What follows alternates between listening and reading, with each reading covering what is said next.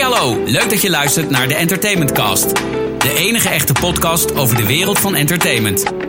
Mark Hofstede, gepokt en gemazeld in nagenoeg alle facetten van de entertainmentwereld, gaat in gesprek met mensen die minstens net zo bevlogen zijn als hij zelf. In deze aflevering van de Entertainment Cast gaat Mark Hofstede in gesprek met. Ja, mijn gast vandaag is sinds 1981 werkzaam in de entertainmentindustrie. Van DJ, boeker en eventorganisatie tot directeur van een van de meest succesvolle independent ticketingbedrijven van Nederland.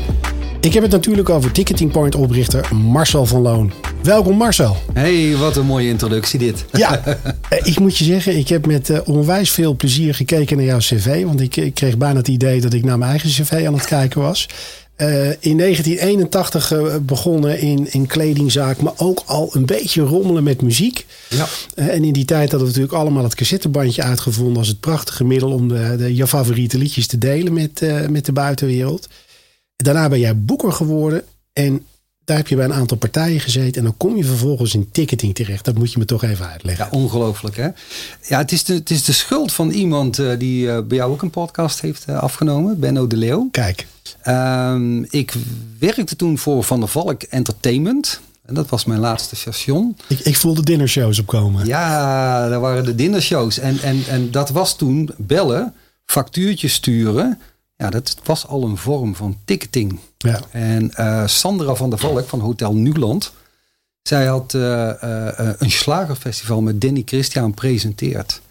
En dat was in Zuidbroek. En daar moesten tickets verkocht worden. Nou ja, wij deden al dinnershows, dus dan deden we ook de tickets. Nou, en dat ging in verkoop. En in no time was dat uitverkocht. Alleen, ja, je had een probleem. Het was geplaceerd. Rij, vak en stoelnummer. Dus uh, Henk van Doren, kun je of die nog kent, hè, van, van het Artwin systeem, die had voor ons een systeempje gemaakt dat mensen konden betalen. En als ze betaald hebben, kwam er een ticket uit. Maar die ticket, daar stond geen rijvak en stoelnummer op. En wat had ik gedaan? Net als in het vliegtuig vroeger. Waar wil je zitten? Dan werd er een stickertje opgeplakt. En zo hadden wij dus 8000 stoelen nagemaakt. We hebben nachten zitten plakken. En ja, dat was eigenlijk de eerste vorm van, uh, van uh, ticketing.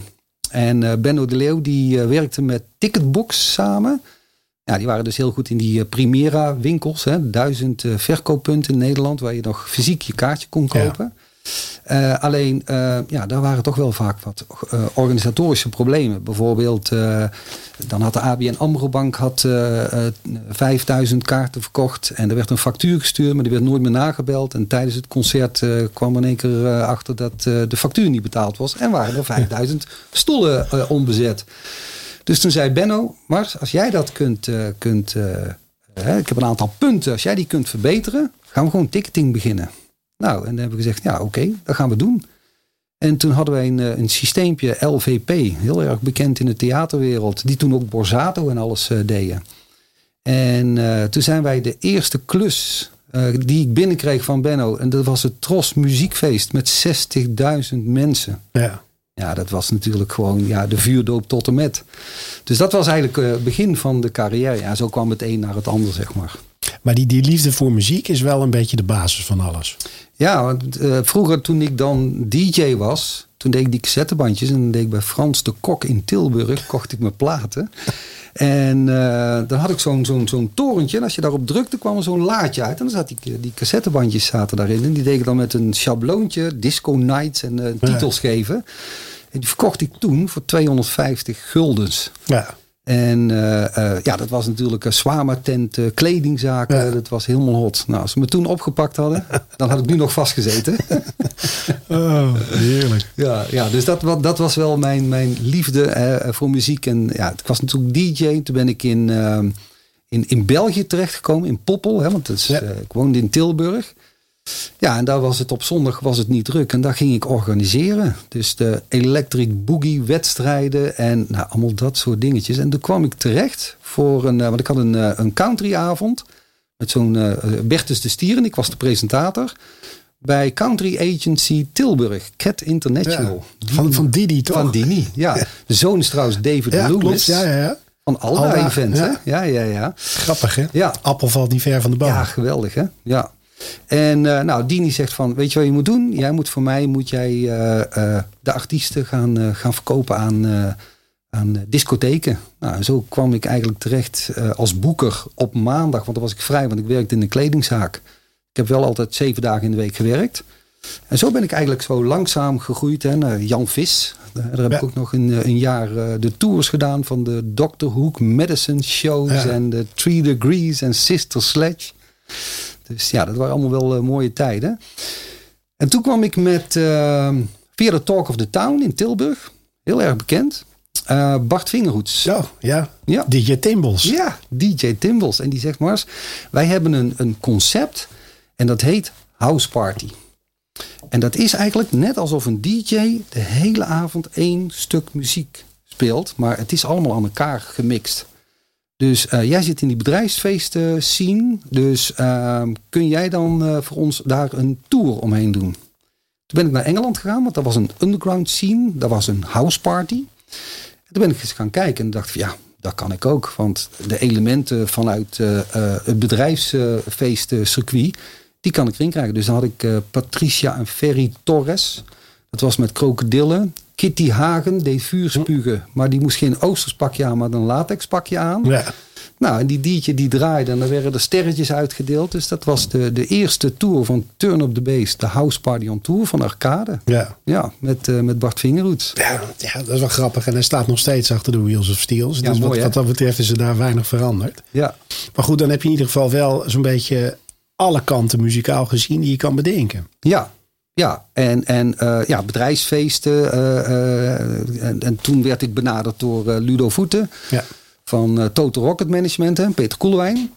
En, en dat was Benno, was mijn, mijn collega. Dus wij, ja, wij reden heel het land door naar alle feesten en partijen. Werkte altijd gewoon zeven dagen in de week. Het was slecht voor onze relatie, maar we hadden ontzettend veel lol. Ja. Hadden wij. Nou, toen ben ik met Sugarly Hooper ben ik naar uh, Giel van Praag uh, vertrokken.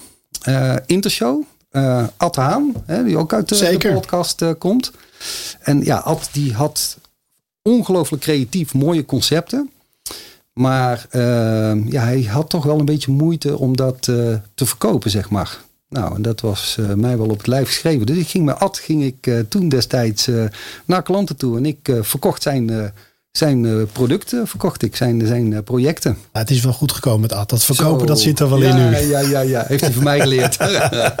Goeie leermeester. Ja, Heerlijk. Ontzettend leuke tijd. En bij Giel, uh, toen kwam Gordon, die haalde ik dus binnen. Maxime, Gijs Staverman. Dus daar begon ik een beetje ja, de artiestenstal op te bouwen. Ja. Ja, dat is helaas fout gegaan. en ik had een jaarcontract. Giel moest gaan besparen. En ja, toen moest ik werd, werd ik ontslaan. Ja, dat, dat, dat, was de, rond 99. Dat was een beetje een turning point van de muziekindustrie. Hè? De, illegale downloads die vierden hoogtij en ja. was een mindere fase. Ja, precies. Ja, en toen kwam ik bij, uh, bij Van der Valk terecht. En toen uh, zei, uh, was via Frank Halters. Ja. Die had power management. die deed dat al voor Van der Valk, hè, de entertainment. En later heb ik daar Van der Valk Entertainment voor gemaakt. Dus ik deed alle feestjes en partijen en artiestenboeken uh, in de Van der Valk vestigingen. Nou, Benno, oud collega, samen in contact. En toen hebben we de dinnershows gedaan. En uh, ja, bezettingsgraad 99,9 procent. Ja, dat zijn de betere aantallen. Ja, dat was echt. Uh, en dat was wel heel grappig, want we deden bij de Kamer van Koophandel uh, de, de adressen kopen van bedrijven met 50 man personeel, hè, plus aanhang, potentie van 100 man. Nou, die verstuurden wij door heel Nederland, waar al die valkvestigingen zaten. Daar verstuurden wij dus die mailing naartoe. En die mensen begonnen ons te bellen en er werden er factuurtjes gemaakt. En ja. Uh, ja dat was eigenlijk wel een beetje de aanzet naar, uh, naar Ticketpoint. Het was wel een mooie tijd. Geweldig, ja. Ik kan me nog heel goed herinneren, want die periode waarin jij zegt van ja, toen, ging het bij Giel van Praag even, even niet goed. Dat is ongeveer ook het moment geweest dat ik aan de labelkant wegging.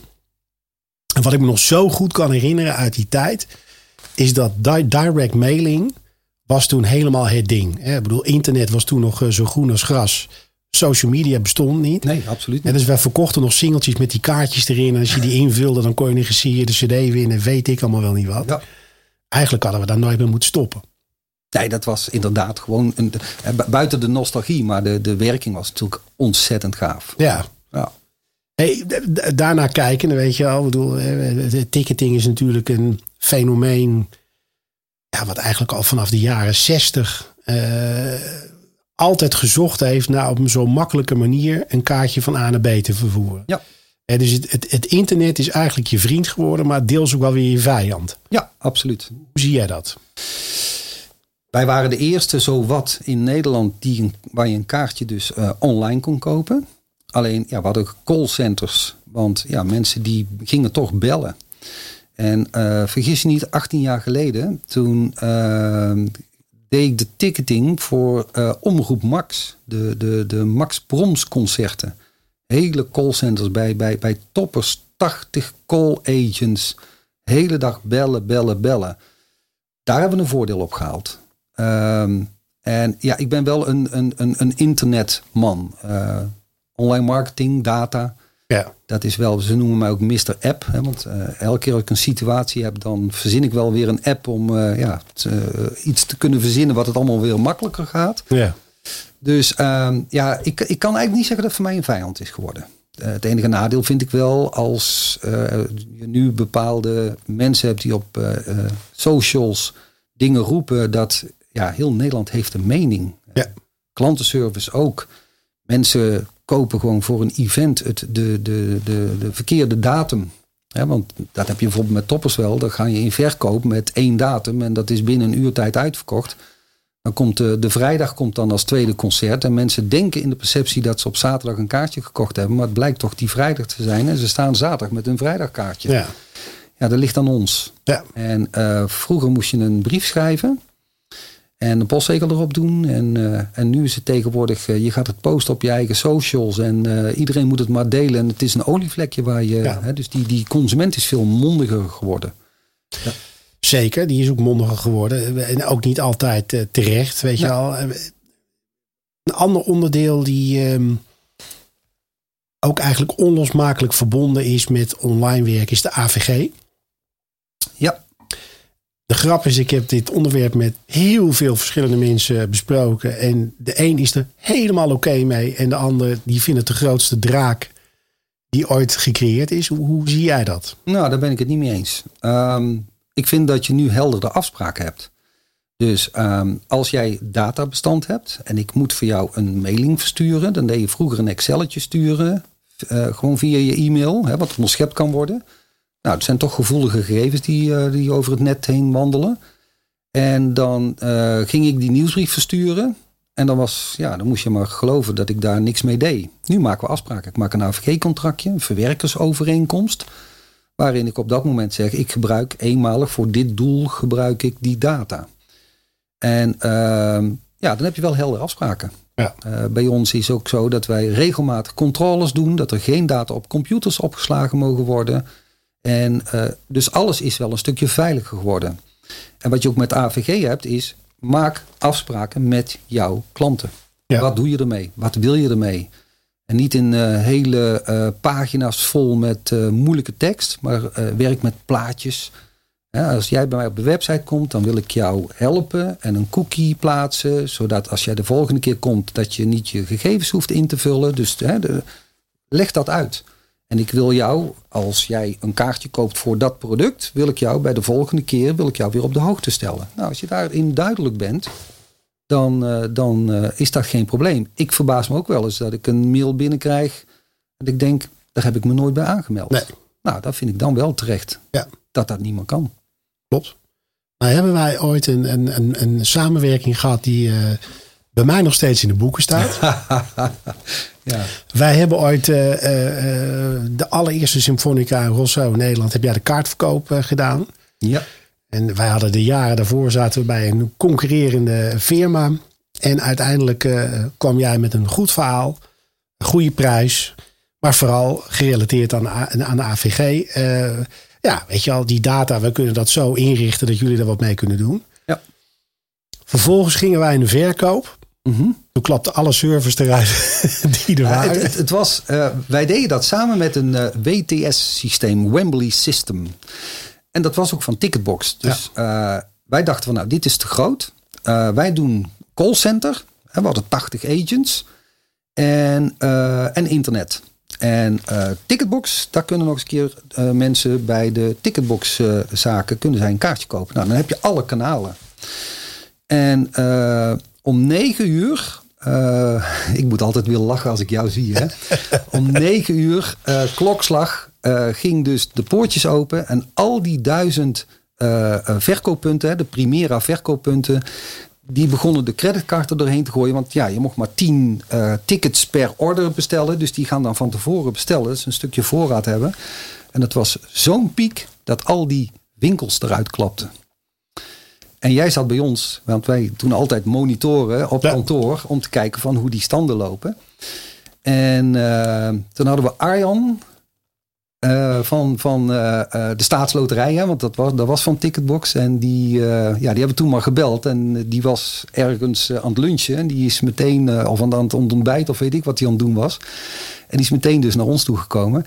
Ja, dat ging nergens over. Nee, maar wat het mooie was, en daarom, los van het feit dat het een, een, een, een, prachtig verhaal is. Want hoe vervelend het ook is dat servers eruit klappen. Het was natuurlijk ook gewoon een belachelijke hoeveelheid mensen die op hetzelfde moment een kaartje wilden kopen voor de, voor de luisteraars. Dat ging om uh, ruim 330.000 kaarten die eh, binnen een paar dagen verkocht zijn. Nee, dat was in één dag. Ja, in één dag. Maar omdat we natuurlijk die hiccup hadden. En dan moet je nog een keer dat die betalingen erdoor kwamen. Maar goed, dat was in een, in een, in een te uh, korte tijd heel veel. En de banken waren eigenlijk een beetje de bottleneck. Ja. En die konden de betalingen niet snel genoeg uh, er doorheen gooien. Maar wat ik, ik kijk altijd naar dat soort situaties. Kijk, alles kan fout gaan, want het is mensenwerk. Maar hoe lossen we het op? Ja. En wat mij altijd is bij blijven staan, dat in, de, uh, in alle rust het probleem gewoon opgelost werd met de middelen die er op dat moment waren. Die waren best beperkt. Dat vond ik altijd super knap. Ja, maar als je toen die technieken zag en, en nu. Ja, will of difference. Ja. ja. En ik belde toen de, de, de van WTS, want het, het liep heel langzaam. En uh, toen zei uh, uh, Robert, die zei van, ja, ik zet er wel even een socket bij. Ik vergeet het nooit meer. En hij zet er een socket bij en alles liep weer in één keer goed. Want die mensen, die begonnen ook nog eens een keer te bellen. Stonden bij een Primera. Primera kon er niks meer uithalen. dus die begonnen het 0900 nummer te bellen. Dus we kregen de KPN kregen we aan de lijn, waar we mee bezig waren. Ja, dat was... mooi was dat. Mooie tijden. Ja, nee, daarom. En, en kijk, uiteindelijk wat natuurlijk gewoon mooi is om te zien dat die hele, ont, die hele digitaliseringsslag die gemaakt is in de laatste 15 jaar enorme voordelen heeft, eh, heeft opgeleverd. Als we even naar de, de huidige tijd gaan, corona, dat heeft natuurlijk op onze industrie een enorme impact. Ja. En als we nou inzoomen uh, specifiek op jouw tak van sport, het verkopen van ticketing, dat heb jij vanaf dag heen gevoeld. Ja, nee, absoluut. Het werd meteen duidelijk, we hadden het heel druk, hè, want alles moest verplaatst worden of uh, terugbetaald uh, worden. En uh, ja, dan, dan ben je leeg. Nou, en dan, dan ga je weer verder kijken en eens kijken wat er dan op dat moment te bieden was. Dus ehm, ja, toen kwamen we met, met Ogene, met Benno de Leeuwin in contact. En die zegt, ja, ik wil streamconcerten gaan doen. Nou, en dat, dat was ook hartstikke leuk, want wij verkochten ongeveer zo'n 10, 15.000 kaarten voor Ogene voor een streamingconcert. Ja. En uh, nou, daar zijn we wel weer door aan het ontwikkelen geweest. Want er zijn op dit moment best wel veel uh, ondernemingen die uh, streamingconcerten organiseren. Maar het is allemaal niet zo makkelijk. Je zit, ja, het is best wel heel complex. En dan zeggen ze, ja, maar hoe kan dat nou? Want je hebt een YouTube. En daar kan het wel allemaal. Maar dat is natuurlijk heel verschillend. Want die hebben namelijk hun inkomsten van reclames. En daar staan overal servers in, uh, in heel de wereld. Dus dat is een heel ander principe als dat je in een gesloten circuit gaat streamen. En uh, nou, ik moet zeggen, daar, daar hebben wij met vallen en opstaan hebben we op dit moment gewoon een heel mooi streamplatform staan. Dat, eh, dat, is een, dat is een mooi bruggetje, want hè, het inleidende gesprekje wat al had ik het er ook al even over dat ik ook het een en andere livestreams heb gedaan. Ja. Daar is toch wel in zes maanden tijd een ontwikkeling geweest waar we normaal gesproken een jaar of vijf tot tien over zouden doen. Absoluut, ja, mee eens. Maar zoals ik straks tegen jou zei, je bent een muziekman, je wil muziek voelen. Ja. Ja, dat is toch wel wat anders uh, of je naar een streamconcertje zit te kijken of je, zit, je bent live op een locatie aanwezig. En uh, ik geloof wel dat er een ontwikkeling plaatsvindt. Ik denk ook dat bijvoorbeeld, uh, ja, stel nou dat je straks de VR-bril hebt en dat je een streamticket koopt waar je backstage kan, waar je dus meer futures hebt dan dat je een normaal kaartje koopt. Daar geloof ik best wel in dat daar een stukje ontwikkeling zal zijn. Nee, dat geloof ik ook. Ik denk dat dit niet uh, als corona ooit het land uitgaat, dat dit verdwijnt. Nee, nee, nee er komt een extra toevoeging. Maar als ik heel eerlijk ben, ja, ik word er niet zo heel erg warm van als ik een uh, concert op televisie of op mijn telefoon zit te streamen. Ja. Ik weet niet hoe dat bij jou is.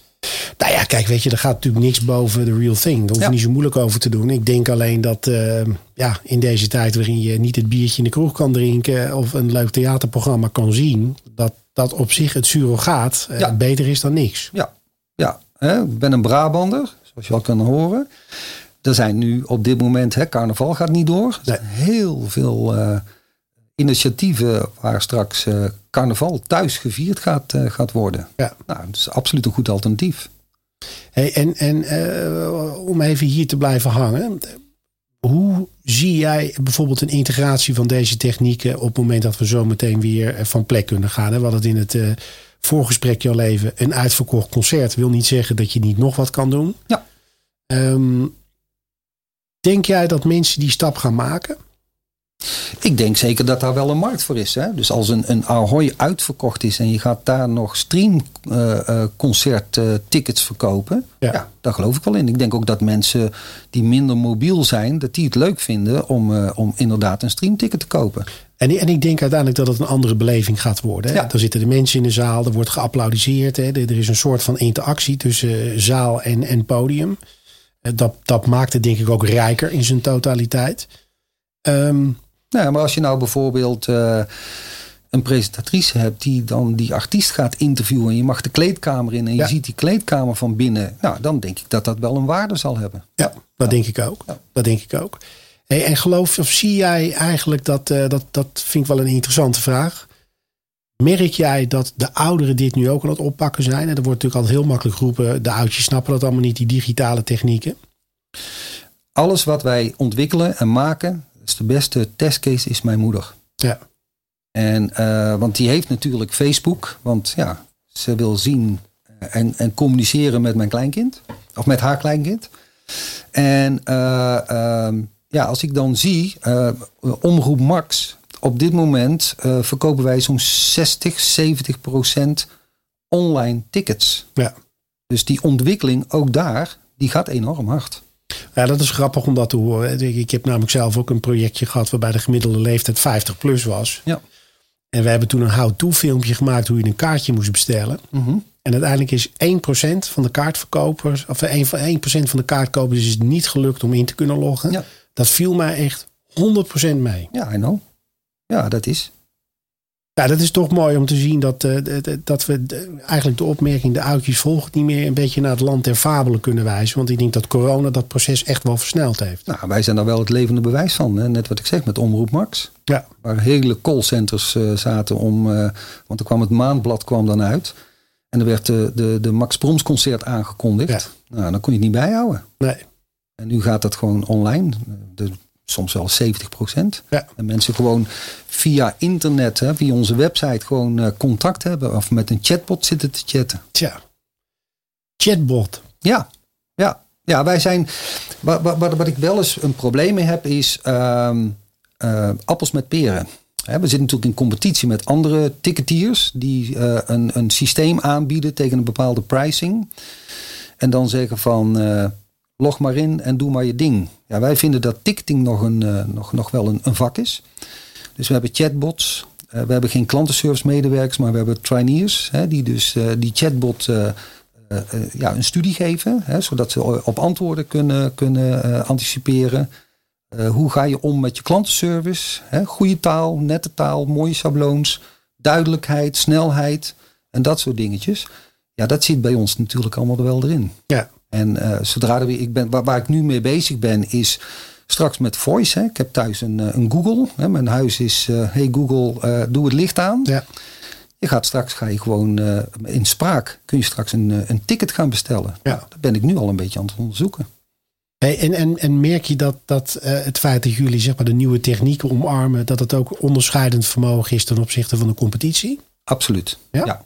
ja. alleen daar zit heel groot verschil. Als je gaat kijken met Ticketmaster, uh, Eventum, dat zijn een beetje dezelfde soort bedrijven. Maar Ja, er zijn gewoon heel veel bedrijven die gewoon een stukje software uh, aanbieden. Waar je dan uiteindelijk zelf uh, uh, je ticketing kunt inrichten. Ja. Nou, wij maken gewoon met heel veel klanten mee dat we eens een model voorhouden en zeggen van nou, hoe ga je in verkoop? En dat wij hun daar heel veel handvaten kunnen geven waar ze nog niet eens over nagedacht hebben. Ja. En logisch. Hey, en zijn er ook bedrijven die zich gemeld hebben van uh, joh, uh, toelatingstickets om het bedrijf in te kunnen komen twee keer in de week? Heb je die ook al gehad? Sorry, hoe was het? Nou, ik, ik sprak een van de, de conculega's en die had toevallig uh, drie bedrijven die om een module gevraagd hadden om de, de, de inkomst van hun personeel twee keer in de week ook te reguleren op basis van je koopt een ticket en dan kun je naar kantoor komen. Ja, precies. Nee, nee, nee, nee, nee. Nou ja, dat vond ik ook alweer een hele grappige, innovatieve manier om, om de waarde van een ticket in deze tijd te kunnen plaatsen. Nou, kijk, kijk maar uh, uh, Niel van Hof, hè, die laatst op televisie was. Uh, ja, waarom is de entertainmentbranche niet benaderd om die vaccins te doen? Dat je een ticket kunt, kunt bestellen op een timeslot en dat soort dingen. Nou ja, dat klopt. Weet je, ik bedoel, ik heb daar zelf ook contact over gehad. Maar in Den Haag zijn heel veel mensen die denken dat ze het zelf heel goed weten. Ja. Ja. En er wordt nu heel veel verantwoordelijkheid bij de GGD neergelegd. Maar ja, dat zijn geen mensen die gewend zijn om te produceren. Precies. Ja, en daar hadden ze, vind ik, gewoon uh, ja, mensen uit de, uit de evenementbranche moeten benaderen. Want die zijn gewend om uh, ja, mensen te benaderen. Ja. Uh, parkeerbeheer, nou, noem het allemaal maar op. Dat, dat was perfect geweest voor deze mensen. Komt dat ook niet een beetje dat wij onszelf heel slecht profileren naar buiten toe? Dat is het probleem. Ja. Er is geen bond. Er is geen uh, persoon die, die echt een beetje uh, met de vuist op tafel kan slaan. Ja, dat is het probleem. Iedereen ja. veegt voor zijn eigen deur. Dat is wel heel jammer. Ja, en dat zijn te veel losse clubjes. Ja, ja, ja. Dat is echt heel erg jammer. En is er, is er uh, by the way, een soort van overkoepelend orgaan waar ticketingbedrijven in zitten? Dat was er wel. daar zijn wij uiteindelijk uitgestapt. Want ook daar was, ja, het, het, het had niks. Nee het, het, kost alleen maar geld, hè, want je had een abonnement, maar het, het bracht niks. Nee. Dus uh, nee, het is uh, toch wel echt wel een, uh, nog een los gebied, zeg maar. Hey, en en hoe, hoe zie je de toekomst van ticketing? Hè? Je had het erover dat je al het experiment doet met hopelijk ooit kaarten verkopen via spraak. Ja, ja. Ja, ticketing, als je nu al gaat kijken. Ehm, wij hadden al een hele tijd een mobiel ticket, maar het werd niet gebruikt. Tot op een gegeven moment uh, de, de vliegmaatschappijen het ging uh, inzetten. Ja. En toen kwam in één keer die, uh, die app, werd in één keer belangrijk, die mobiele ticket. Ehm, we hebben nu een mobiele ticket om zelfs de, de doorverkoop te kunnen reguleren. Een soort blockchain technologie. Ja. waar die code continu om de zoveel seconden verandert. Dus je kunt hem niet doorverkopen. En uh, die telefoon, ja, dat is gewoon een ontzettend belangrijk ding voor iedereen. Dus, dus daar gaan zeker uh, ontwikkelingen plaatsvinden. Um, nou, voice is nu eigenlijk een ding wat voor de aankomende, weet ik wanneer, toch wel zal gaan komen. Ja. Die ontwikkeling die kun je niet tegengaan. Ja, wat wel grappig is, je laat net het woord blockchain uh, vallen. Dat is eigenlijk iets wat, wat mij al heel lang bezighoudt. Want er is zoveel data. Ja. Hoe rijk zou het zijn als je al die data bij elkaar kan gooien en uiteindelijk daar uh, je beslissingen op kan nemen. Ja, ja ik, ik, uh, waar wij ook mee bezig zijn is het uh, Customer Data Platform. Hè? Dus een, een 360 graden van jouw fans. om die op allerlei manieren, want ja, iemand kan met een klantenservice via Facebook een WhatsApp sturen, de chatbot raadplegen, de klantenservice lijn. Dus dat zijn allemaal contactmomenten. En uh, ja, om dat in beeld te brengen. Uh, nou, bijvoorbeeld uh, iemand koopt een kaartje voor een dierenpark. Een maand later komt hij bij de dierenpark aan. Zijn kaartje wordt gescand. Die flow staat klaar. Je krijgt meteen een filmpje, want je zit in die, in die euforie zit je. En dan krijg je het filmpje van de Wereld Natuurfonds met daarbij vier buttons van doneer. Nou, die donatie is snel gemaakt. Ja. Dat soort dingen, daar geloof ik wel heel erg in. Ben jij uh, van mening dat we onze branche succesvoller zouden maken op het moment dat we wat opener zouden zijn in data? Lees we minder geld aan marketing uitgeven? Ja, ik denk dat je marketing op een slimmere manier moet inzetten. Ja. En uh, ik denk Nou, ik denk niet. Uh, wij zetten data op een slimme manier in. En wij zien daar ook, uh, ja, de resultaten zien we daarvan. Hè? Want data kun je inlezen in Facebook. Daar kun je op adverteren. Je kunt er lookalikes voor doen. Dat is, al, dat is allemaal wat je met data kunt. Je kunt het zelfs inlezen bij Google en daarop adverteren. En ik wil je niet stalken, maar ik wil je wel triggeren. Ja. En op de hoogte stellen van uh, een product wat jij leuk vindt. En ik denk dat je dan goed bezig bent in data. Ja. Of in marketing. Ja, je ontkomt er niet aan, want wil je via de socials je bereik een beetje optimaliseren, dan zul je moeten betalen. Ja, ja eens. Hey, en uh, die toekomst, daar ben jij positief over. Dan kunnen we elkaar een hand geven, dat heb ik ook. Ik denk ook dat die digitaliseringsslag nog lang niet is uitgewerkt. Denk jij ook dat jij zo meteen meer upsell gaat creëren via de kaarten? Het is toch een beetje het gemak van de consument. Ik kan me nog een discussie herinneren in mijn verleden. Dat ik zei van nou, ik wil het liefst dat als iemand een kaartje koopt, dat hij ook zijn parkeerkaart en de eerste tien muntjes kan bestellen. Ja. Nou, dat vond iedereen eh, toen belachelijk. Ja. En ja, nu is het er. Vindt iedereen het eigenlijk normaal. Maar volgens mij zit er nog heel veel groei. Ja, dat is altijd wat wij al gedaan hebben. Dus uh, muntenfoutjes. Dus uh, ken je ze, de rijen op festivals? Hè, met die, bij die containers. Ja. Dus wat wij doen is, uh, je kunt gewoon een muntenvoucher. Dan heb je ook nog een voordeel als je een muntenvoucher uh, koopt. Je gaat ergens naar een uh, punt waar je gescand wordt en je, je zakje met muntjes. en als jij tien vouchers hebt, krijg je tien zakjes met muntjes. Dus die doorstroom is gewoon veel groter. Um, parkeerkaart, die leg je neer voor bij je raam. Je wordt gescand en je kunt meteen doorrijden. Ja. Dus, dus ja, dat zijn juist de dingen waar wij heel veel aandacht hebben aan gevestigd. Ja. Hey, dit, het hele kopje data, want dat is natuurlijk voor jullie een wezenlijke. Hebben jullie data-analysten in dienst? Nee, nee. Wat wij hebben is dat, dat CDP-platform. Ehm, nou, kijk maar wat er gebeurt met Talpa. Hè. Die was echt op de data. En uh, daar zijn heel veel veranderingen. Want eigenlijk is het zo dat je na twee jaar je data moet vernietigen. Ja. En uh, nou, daar heb je allerlei trucjes voor natuurlijk. Hè, want je moet ook een beetje de, het grijze gebied uh, uh, opzoeken. Um, wat wij ook doen met data is kijken van mensen die de afgelopen jaren gewoon nooit hun mail hebben geopend. Die worden bij ons verwijderd. Dus datasegmentatie, daar geloof ik in. Het hoeft allemaal niet meer big data te zijn. Nee.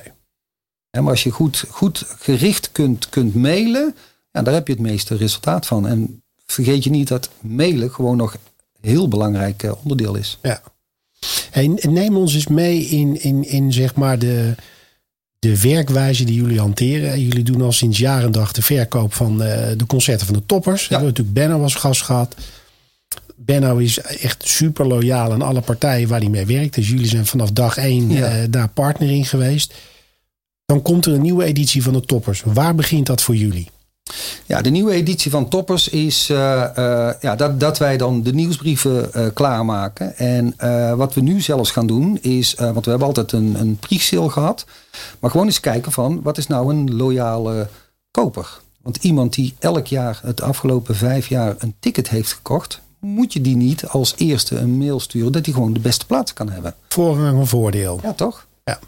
Dus dat, dat, dat soort processen, daar, uh, daar hebben wij het dan over. En dat bekijken we. En dat zal ook voor de aankomende, of voor de toekomst, zal dat ook uh, veel meer ingesteld worden. Dus die data veel meer segmenteren. En eigenlijk, uh, ja, loyale mensen, kopers, die moet je als eerste benaderen. Dat die gewoon de beste plaats kunnen hebben. Dat, dat zijn ook je ambassadeurs. Ja, zeker. Dat, weet je, dat zijn allemaal van die kleine onderdelen die, waar, waar, waarvan je gewoon meer succes kunt boeken. Maar in, in tijdspannen, hè, Benno is geweest van jongens, dit is de datum van de nieuwe toppers. Hoeveel voorbereidingstijd heb jij voor het stoelenplan? Eh, de hoeveelheid mensen die je eh, op het veld kwijt kan, noem het maar op. Week. En dan gaan we eerst. Ja, wat het wel is met toppers. Ja, het is een kopie op een kopie elke keer. Ja. Het thema verandert, maar het systeem verandert niet. Uh, dus, dus, uh, en de plek niet, nee. die wezenlijk is ja, voor wat jij doet. Ja, ja. dus, dus uh, wij doen daar zo ons ding dan op dat moment. En ja, ons team heeft natuurlijk een checklist waar ze alles nalopen. En nou, dan wordt eerst het stoelenplan bekeken, berekeningen gemaakt, recetteberekeningen, of het alles dan klopt. En uh, ja, dan wordt het uh, klaargezet. Dan gaan, dan gaan we in verkoop. Hè. Dan is het wel de voorbereiding van de FAQ's en uh, de antwoorden op de klantenservice. Maar ja, dat zijn allemaal dingetjes die eigenlijk al in ons bestand zitten. Dus dat is. Maar je praat natuurlijk over een, een, een in het geval van de toppers over serieuze aantallen. Ja. Want je verkoopt 60.000 tickets per show. Ja, ja. En dan gemiddeld drie. Ja, Ja, vijf- eh, 66.000, zoiets. ja, Ja. Ja, en dan soms zijn er ook wel eens uitkoopjes bij. ja. Daar wordt weer een heel ander verhaal, want dan, eh, dan is het een staatsloterij. Dan moet je weer gaan werken met eh, codes, hè, met vouchers of met bestanden die ingelezen worden. En eh, dus ja, dat is elk jaar is dat. En hoe groot is jouw team? mijn team is, wij zitten met tien mensen. En ehm, met een callcenter werken wij samen. Maar die had namelijk een probleem. Dat die outbound, daar had hij zoveel verloop van. Want het was namelijk saai werk. Ja. Nou, je weet als je outbound moet eh, doen. Hè, Ja. Hoe mensen dan eh, tekeer tegen je kunnen gaan. Dus ik heb met hem een deal gemaakt. En we zeggen van nou oké, geef mij nou tegen een kostprijs van jou. En agents, zodat zij leuk werk doen. En ja, zij merken nu ook dat die agents langer blijven hangen. Ja. En ik kan opschalen tot eh 80 eh, call agents. Hey, en en ik las een grappig artikeltje ergens in een buitenlands magazine dat de ticketeers heel erg kijken naar de, de, de, de rol die zij vervullen en, en, de, en de marge die ze erop draaien. Vind jij dat je voldoende beloond wordt voor dat wat je levert? Nee. Want hè, wij doen het iets anders dan de Duitsers en de Amerikanen. Ja. Hè, die vragen veel meer voor de service van het verlenen van een ticket. 10 procent. Minimaal. Ja, ga maar eens in Londen voor het theater een, Ja. eh, een kaartje kopen. Dat je gewoon eh, 10 pond eh, servicekosten Ja. Per kaart. per kaartje. Ja. Ja. Kun jij een, een, een- reden aangeven waarom die verschillen in Europa zo groot zijn? Ja, Nederland is natuurlijk een, een land wat experimenteert. En daar zitten gewoon. eh, ja, daar, daar, daar gebeurt gewoon heel veel. En dat is Ja. toch wel het grote verschil met alle andere landen. En eh, daar is zoveel ontwikkeling. Dus daar is ook zoveel concurrentie. En eh, daar hebben wij natuurlijk naar gekeken. Want destijds kwam Paylogic. Ja. En eh, ja, die, die, die- wij vroegen 3 euro servicekosten en zij deden het voor een euro in de BTW en eh, betaalkosten en noem het dan maar op. Dat we zoiets hadden ja, maar dat kan helemaal niet. Ja. Dus we zijn er wel echt gaan kijken naar, ehm, ja, hoe kunnen we nou onderscheid gaan aantonen dat zij bij ons toch meer betalen. Nou, Ja. dat is dus die service die wij geven aan de klantenservice. eh, een stukje marketing wat we erbij doen. Hè, want naast Ticketpoint hebben we nu Mr. Postman. En daar, eh, eh, ja, dat is een online marketingbedrijf. Dat is geboren uit, eh, uit Ticketpoint, uit die event marketing. Ja. En, en wat voor soort klant heb je daar? Op dit moment van alles. Ja. Dat, is, dat is van de laatste klant die ik aangesloten heb was Superlijmen, watervilla's. eh, ja, je kunt het zo gek niet opnoemen. Grappig. Ja, en wat heel veel mensen dus een probleem hebben is, eh, eh, zoals ik, we kunnen vertellen met in geuren en kleuren over je bedrijf, maar schrijf het maar eens op. en Ja. Verzin maar eens elke week post. Klopt. Nou, dat doe ik samen met eh, Patrick de Jong. Ja, oké. Nou, dat wist ik. Wist niet dat Patrick erin zat. Grappig, leuk. Ja, ja. In deze podcast hebben we ook altijd de, de onvermijdelijke basale vraag. Mhm. Dus ik, ik laat mijn gasten altijd kiezen tussen eh, een getal eh 1 tot en met 6. En dan druk ik op een knop en dan komt er wat uit. Dus Ja. doe ze gooi. Vijf. Vijf. Wie is jouw muzikale held? Oh, die vind ik leuk.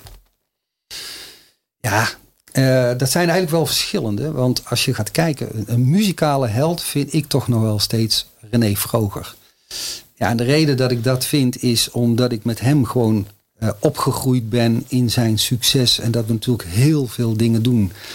Ja, dan ben je wel een muzikale held. En Ja. vergis je niet wat Vroger dus betekend heeft. Mijn, mijn muziekkeuze is heel breed. Ja. Het is van, eh, van dance naar, naar ja, van alles, naar rock.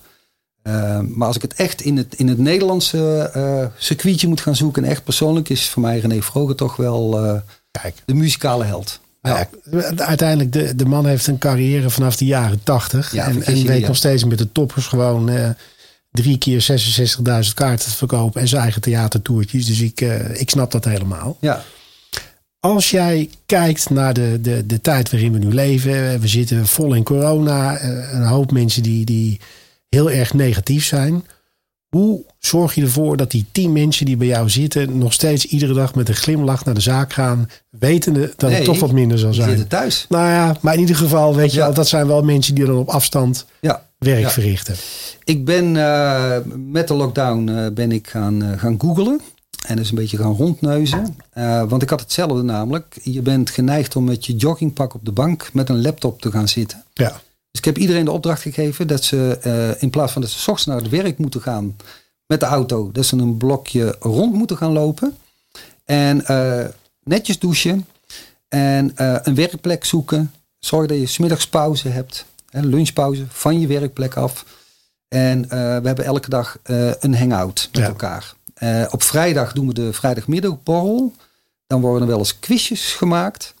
En ja, ik moet zeggen dat uh, onze mensen enorm gemotiveerd uh, zijn. Ja, dat is knap. Ja. Dat is heel knap. Ja. En voor mezelf in het begin was ik, ja, ik was echt zenuwachtig. Ik dacht echt van dit gaat niet meer goed komen. Ja. Ik ben nu heel positief. Um, ook, ook door de hulp van de overheid? Ja, ja? vind ik wel. Uh, ik, ik, vraag het omdat iedereen natuurlijk alleen maar met skutraketten aan het schieten is op uh, ja.